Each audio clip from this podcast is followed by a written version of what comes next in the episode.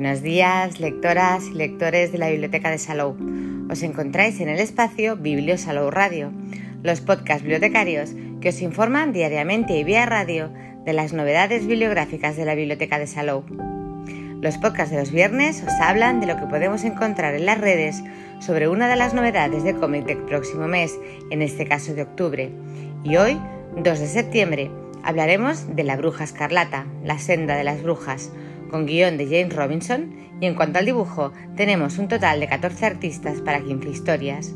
El propio James Robinson fue el que quiso que esto sucediera así. Según sus propias palabras, la brujería de Wanda se nutre de una energía femenina que también impera en el contexto histórico real. Pero sí que soy un hombre, así que fuimos muy precisos en la elección de quién ilustraría cada número y reunimos a tantas autoras como pudimos.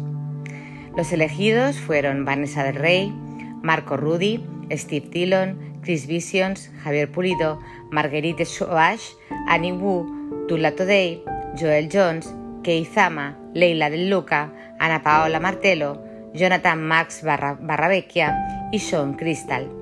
Obviamente, que exista tanta variedad desentona algo y hace que se pierda uniformidad dentro de la obra pero por otro lado la gran mayoría de artistas que participan tienen un estilo muy propio, muy personal y aportan su propia visión del personaje, desde momentos de épica superheroica hasta los más íntimos y personales donde reflejan todos los sentimientos de Wanda.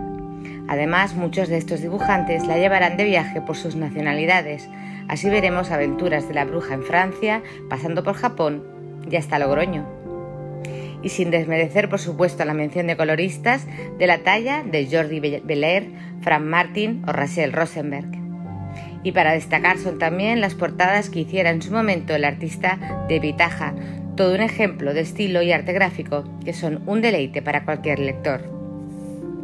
Este material, que que en su origen en España fue, publicado en tres rústicas de 100% Marvel, recibe ahora una nueva edición en formato Marvel Omnibus por parte de Panini Comics y que se convierte en un imprescindible para todos los fans del personaje, pudiendo disfrutar de esta historia a mayor tamaño.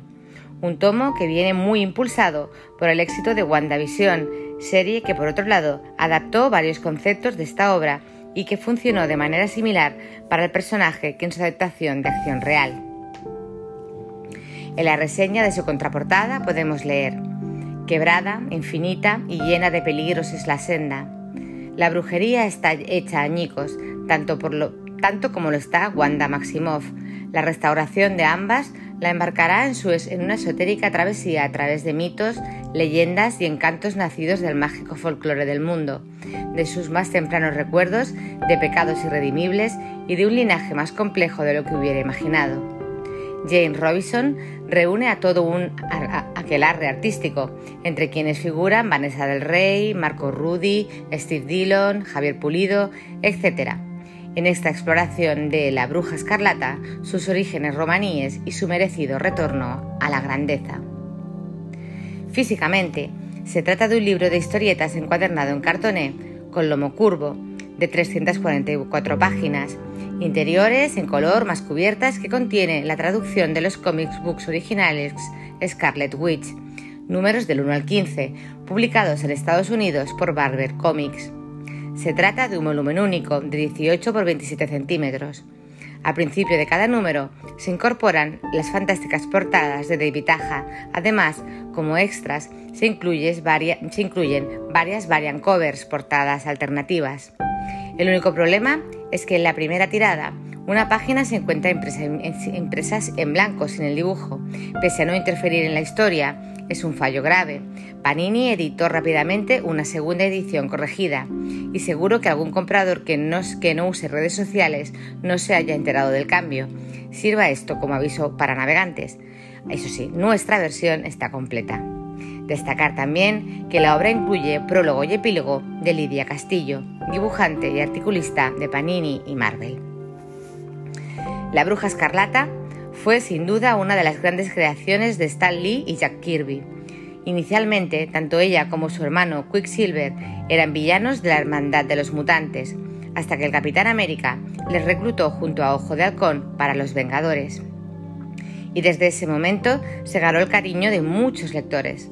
Una de sus tramas más conocidas es la relativa a su romance con Visión, que es de las mejores historias de amor de Marvel. También tuvo una gran importancia en Dinastía de M, cambiando el statu quo de los mutantes con aquella mítica frase de No More Mutants.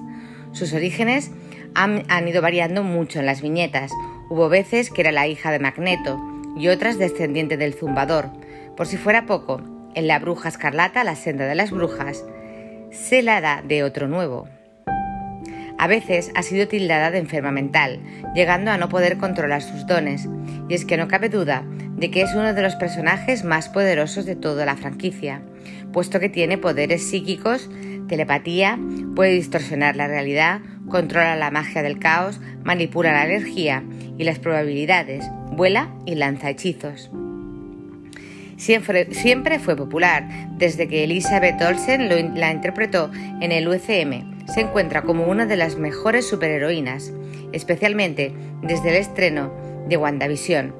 Es por ello que Panini Comics decidió reeditar una excelente etapa, posiblemente la mejor, del personaje, que en su momento pasó un poco desapercibido, pero que en el formato ómnibus ha arrasado, el cómic que hoy reseñamos.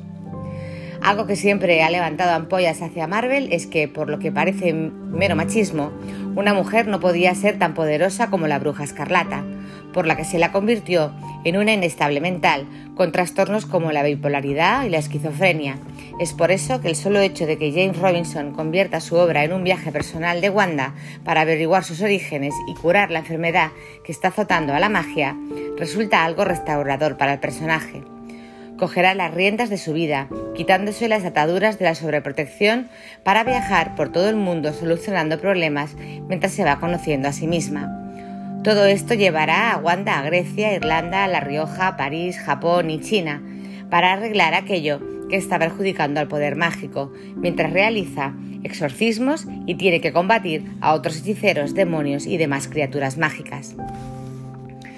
Pero no solo por lugares terrenales viajará Wanda, puesto que tendrá que atravesar la famosa senda de las brujas y llegar más lejos de lo que ha conseguido cualquier hechicera.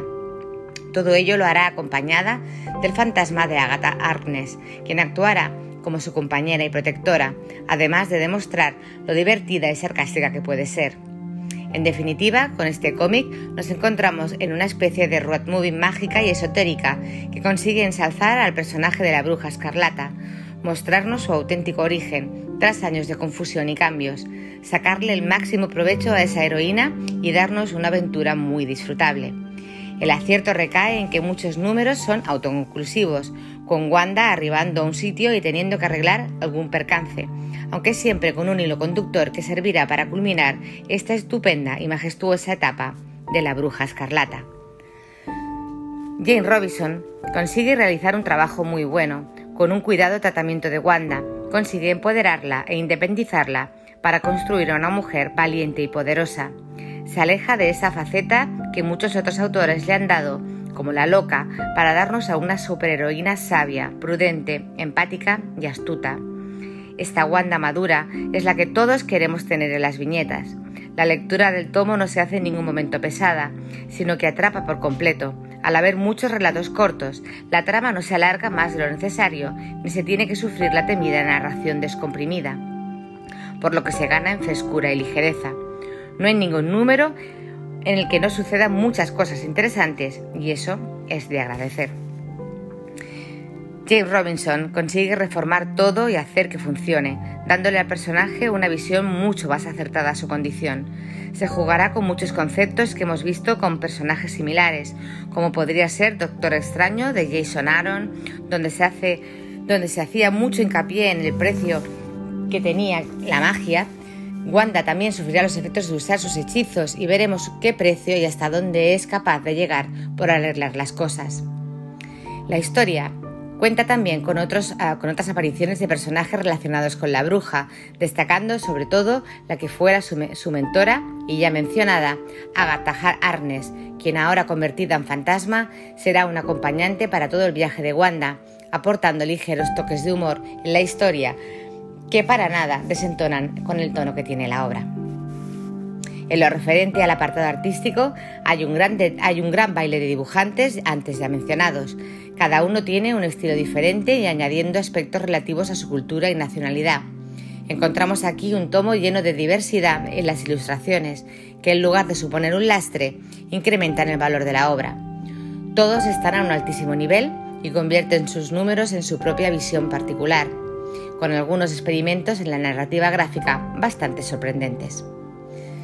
En resumen, La Bruja Escarlata, La Senda de las Brujas, sin duda, es un trabajo muy disfrutable tanto a nivel guion como en su apartado gráfico, que gustará a todos aquellos seguidores tanto de Wanda Maximoff como de los que disfruten leyendo historias de brujas y antiguas leyendas mágicas.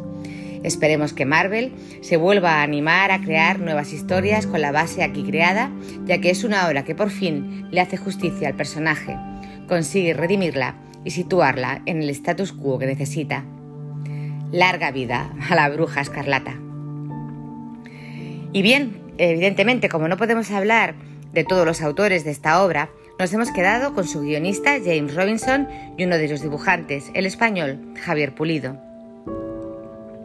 James Dale Robinson, nacido el 1 de abril de 1963 en Manchester, es un escritor británico de cómics y también de guiones de cine.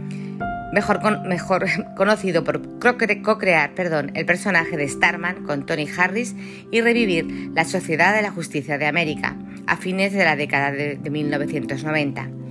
Sus otros trabajos notables incluyen el guion para la adaptación cinematográfica de la serie de cómics de Alan Moore y Kevin O'Neill, La Liga de los Hombres Extraordinarios, y la historia cruzada de varios años, Superman, New Krypton.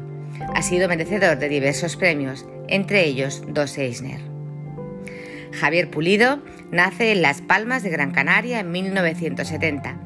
Se aficionó al cómic muy joven, sobre los seis años, y llegado el momento, marchó a Barcelona a estudiar Bellas Artes en la universidad.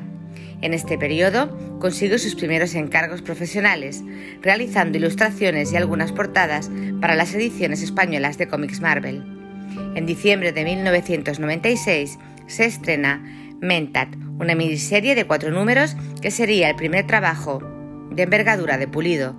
Previamente solo había publicado una historieta corta para el especial Forum Salón del Cómic 1995 y el último realizado directamente para el mercado español, poco menos de un año después, Marvel ya se había puesto en contacto con él y estaba realizando sus primeros trabajos para Estados Unidos. Pulido forma parte, junto con Germán García y Cano, de una segunda oleada de autores españoles que consiguieron introducirse con éxito en el mercado del cómic de Estados Unidos a finales de los 90, siguiendo el ejemplo de una primera oleada formada por Pacheco, La Roca o Ferry, que hicieron lo propio años antes. El estilo de Pulido está influenciado básicamente por David Marchuchelli y Steve Rude, y de su trabajo hay que destacar por encima de todo que es un excelente narrador. Él mismo reconoce que este apartado de su trabajo es al, es al que concede mayor importancia. En el cómic protagonista de nuestro podcast de hoy es el encargado de ilustrar la historia Shh, un susurro. Los hemos buscado en las redes y James Robinson no tiene web propia, ni página en Facebook, ni Instagram, como tampoco en Twitter. Javier Pulido tampoco tiene sitio web propio, sí página en Twitter como arroba Javi Pulido, no en Instagram ni en Facebook. En lo que respecta al catálogo Atena de las bibliotecas públicas de Cataluña, hallaréis múltiples obras de ambos autores. No así, sin embargo, en Bibliodigital, donde no hay nada de ninguno de ellos. Y bien, hasta aquí el podcast de hoy, pero volvemos el próximo viernes a las 11 con más novedades sobre cómic. Que tengáis muy buen día y muy buenas lecturas que os acompañen en el día a día.